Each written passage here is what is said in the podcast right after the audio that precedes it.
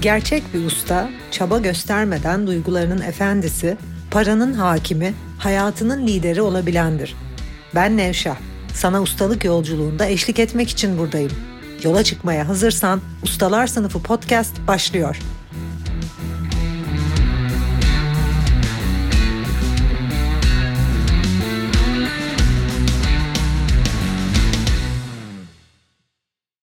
Ustalar Sınıfı podcast'inden herkese merhaba.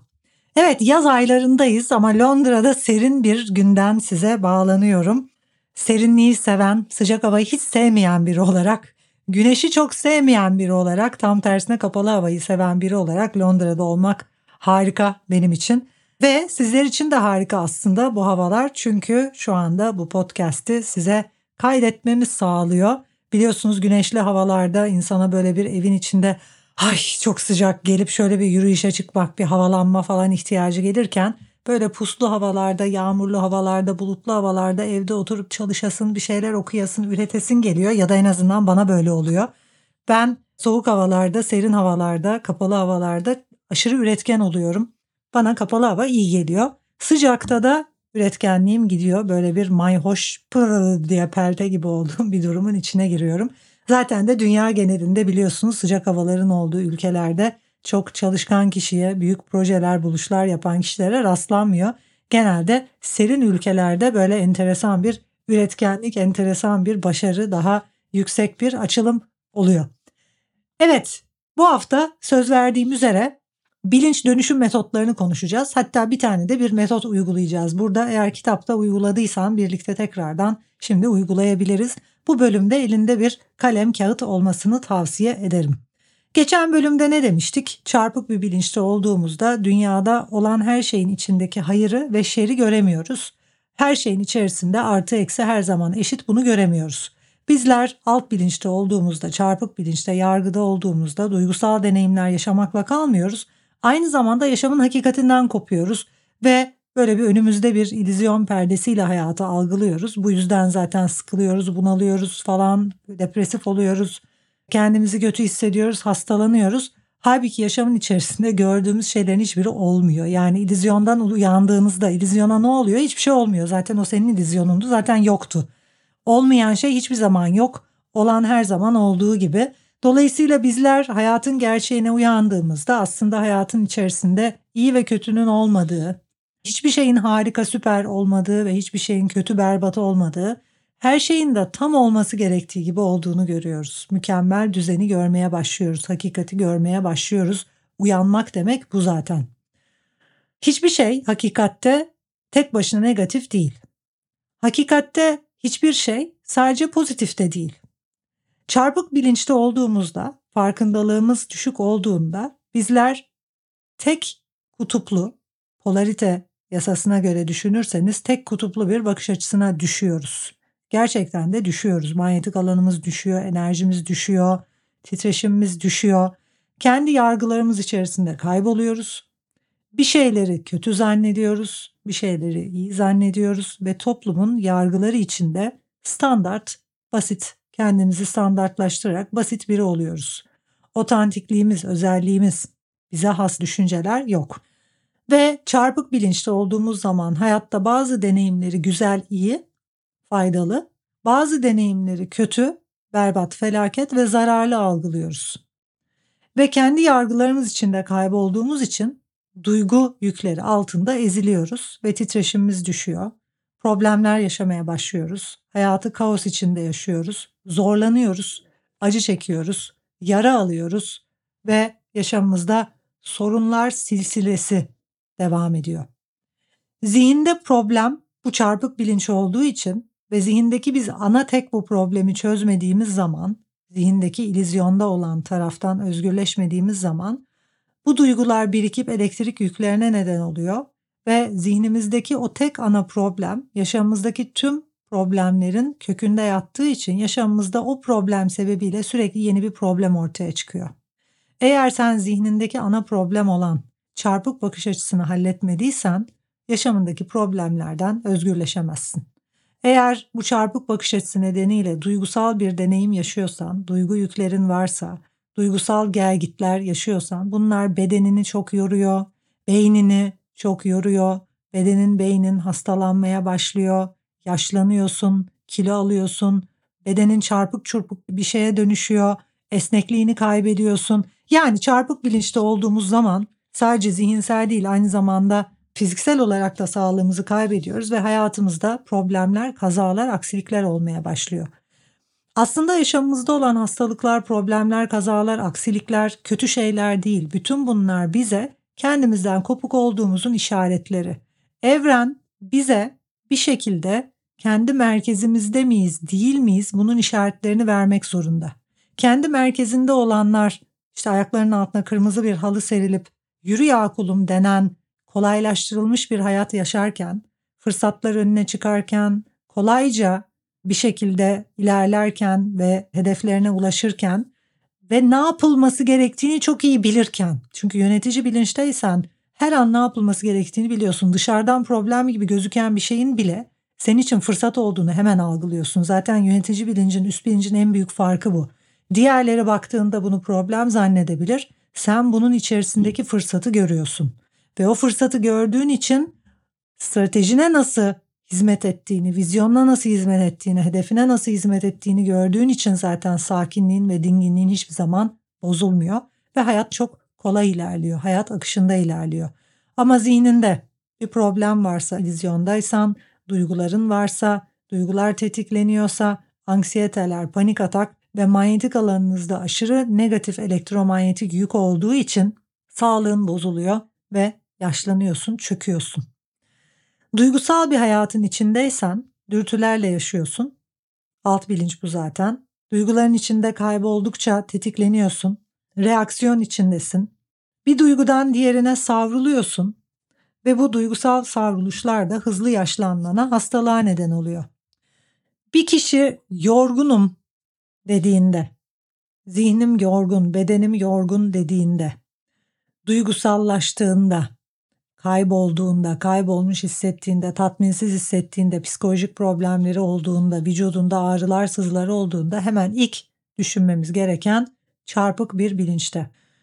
Çünkü bizler daha objektif bir bilinçte olduğumuzda, zihnimizde belli bir dengeyi yakaladığımız zaman, hakikatle bağlantı olduğumuzda zaten her şeyin mükemmel olduğunu gördüğümüz için insani özelliklerimizin, eylemlerimizin, eylemsizliklerimizin, davranışlarımızın, yaptıklarımızın, yapmadıklarımızın hepsinin ne kadar mükemmel olduğunu gördüğümüz zaman bir kere hem suçluluk hem kibir ortadan kalkıyor. Zaten işte eğer yayınlarımı izliyorsan suçluluk ve kibir birbirinin tersidir ama aynı şeydir dediğimi duymuşsundur.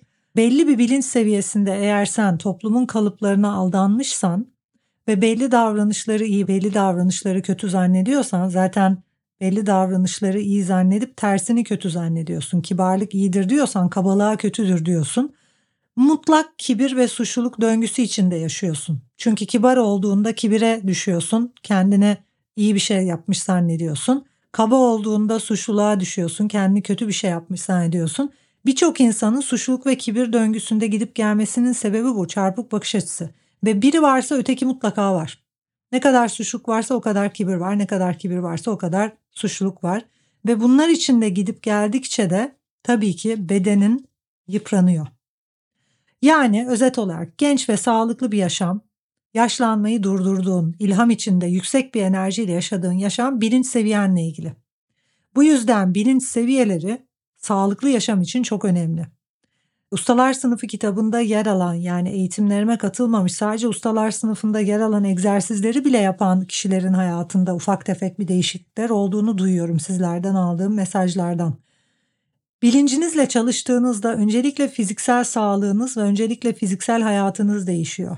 Para probleminiz varsa bu ortadan kalkıyor. İlişki probleminiz varsa bu ortadan kalkıyor. Sağlık probleminiz varsa bu ortadan kalkıyor. Yani önce değişimi fiziksel dünyada görüyoruz yaşamınızdaki mücadele ve yaşamınızdaki çaba bitiyor. Çünkü eğer sen her şeyin mükemmelliğini gördüysen bir şey değiştirmeye çabalamazsın. Sadece kendin olursun. Ve işte kendin olduğunda da otantik mesajın ortaya çıkmaya başlar. Mecbur olduğun için değil, halbinden öyle geçtiği için bir şeyleri yapmaya başlarsın ki zaten sadece bu tür hakikatinle ve hayat amacınla bağlantılı aksiyonlar sonuç verir. Kendi adıma hayatımın son 25 yılını öğrettiğim metotları kurgulamakla, bunları araştırıp, işe yarayan metotları bulup, işe yaramayanları ayıklayıp, metotların işe yaramıyor gibi gözüken metotların içindeki işe yarayan yerleri, işe yarayan metotların içinde işe yaramayan yerleri ortadan kaldırıp yani kenara atıp diyeyim. Bir insanın ustalaşması ve hayatını en üst kapasitede yaşaması için, en üst bilinç seviyesine gelmesi için ne yapması gerektiği ile ilgili bir sistemin matematiğini aslında kavradım. Nevşehir Enstitü müfredatı bir matematik formülü arkadaşlar. Belki aranızda matematik, fizik okuyanlar, metafizik okuyanlar varsa çok net görüyorsunuzdur. Bilinç metotlarını, bilinç dönüşüm metotlarını ve bütün müfredattaki akışı tesadüfen yapmadım. İçerisinde bir matematik formülü var. Her metodun birbirini desteklemesinin sebebi de bu. Ve o yüzden yaşamda ustalaşmak için belli bir formüle ihtiyacınız olduğunu anlamak belki de en önemlisi. Yani biraz şey gibi düşünün. Mesela tenis oynamaktan örnek vereyim. Hepimiz tenisin nasıl oynandığını biliriz. Yani birçok kişinin şu an yaptığı en büyük hata bu zaten. Yani bilgi alıyor, beni dinliyor, belki başka hocaları dinliyor ama metotları öğrenip gerçekten oturup çalışmıyor. Bu tenis oynamayı bilmek gibi yani. Hani herkes tenis oyn nasıl tenis oynandığını biliyor. Raketi eline alıyorsun, topa vuruyorsun yani. Ama iyi bir tenisçi olmak için pratik yapman gerekiyor. Düzenli antrenmanlar yapman gerekiyor. Bu konuda daha iyi bir eğitim alman gerekiyor. Bilinç dönüşümü de böyle bir şey. Usta bir bilince ulaşmak için kesinlikle iyi bir eğitmenle, yolu bilen biriyle çalışıp onun mentörlüğünde ve onun ışığında, o rehberin ışığında hem bilgi alman hem antrenman yapman gerekiyor. Yani hem metotları uygulaman. Bisiklet kullanmayı öğrenir gibi, daha iyi yazı yazmayı öğrenir gibi bilinçte ustalaşmayı da öğrenmen gerekiyor. Geçmişten getirdiğin travmaların ya da anlam yüklediğin düşüncelerin dönüşmesi için beyindeki episodik anıların dönüşmesi ve bilinç dönüşüm metotlarını anlayabilmen için epey bunlar üzerinde çalışma yapmamız gerekiyor. O kadar güçlü metotları seçtim ki bütün bunların içinde öyle güçlü bir kurgu var ki müfredatın içinde sadece işe yarayan metotlardan oluşan matematiksel bir kurgu %100 sonuç veren bazen anlattığım metotları anlamanız bile aylar alıyor. Ve bu yüzden de ve genel olarak yani bu tek başına çıkılmayacak hayattaki belki de tek yol.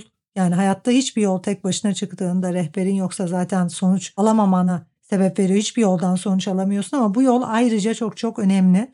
Yaşamınızın bir parçası haline getirmek, hakiki bir bilinç dönüşümünü sağlamak için iyi bir hoca ve güçlü metotlar gerekiyor. Başka da yolu yok. Klasik Vedik meditasyon yine çok iyi anlamanız gereken, yanlış nefes alışkanlıkları çok iyi analiz etmeniz gereken, zihindeki çarpıklıklar çok işimiz var arkadaşlar. Beyni güçlendiren vitaminler gibi aslında bu bilinç çalışmaları sizin beyninizi güçlendiriyor. Sağlam bir beyinle sağlam bir zihne ve böylelikle sağlam bir vücuda sahip oluyorsun. Evet, egzersize başlamadan önce, bugün size vereceğim egzersize başlamadan önce hatırlatmam lazım ki bakış açımızda aşırı çarpık olduğumuzda düşüncelerimizin doğruluğu konusunda diretiyoruz ve çok iddiacı bir kişi oluyoruz. Halbuki hakikat noktasından eğer hakikatle bağlantıdaysan yaratılışın düşünce sistemiyle bağlantıdaysan iddia etmen gereken hiçbir şey yok.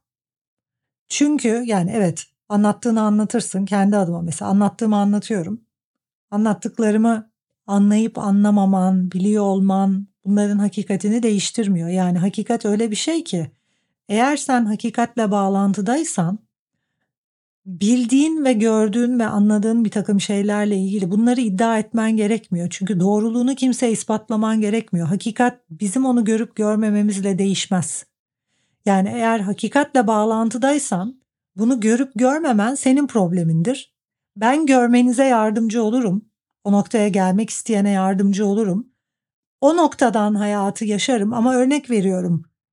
Yaşamda iyi de yok, kötü de yok. Her şeyin içinde iyilik ve kötülük eşit dediğimde Bunu sana ispatlamak için bir çabam yok. Yani bu böyle çünkü ve ister gör, ister anla, ister anlama. İddiacı bir bakış açısı, düşüncelerimizi haklı çıkarma çabası her zaman alt bilincin çabası. Bu da böyle kulağınıza küpe olsun. Zihin bu arada bütün bunları e, söyledikten sonra birazdan egzersizi anlatacağım ama önce şunu söylemek istiyorum. Zihin dönüşüm metotlarına ne kadar erken başlarsanız o kadar iyi.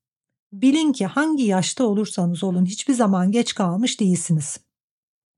Bilincinizle çalışmaya başladığınızda, öğrettiğimi öğrenip yaptığımı yapmaya başladığınızda yaşamınız doğal olarak değişecek.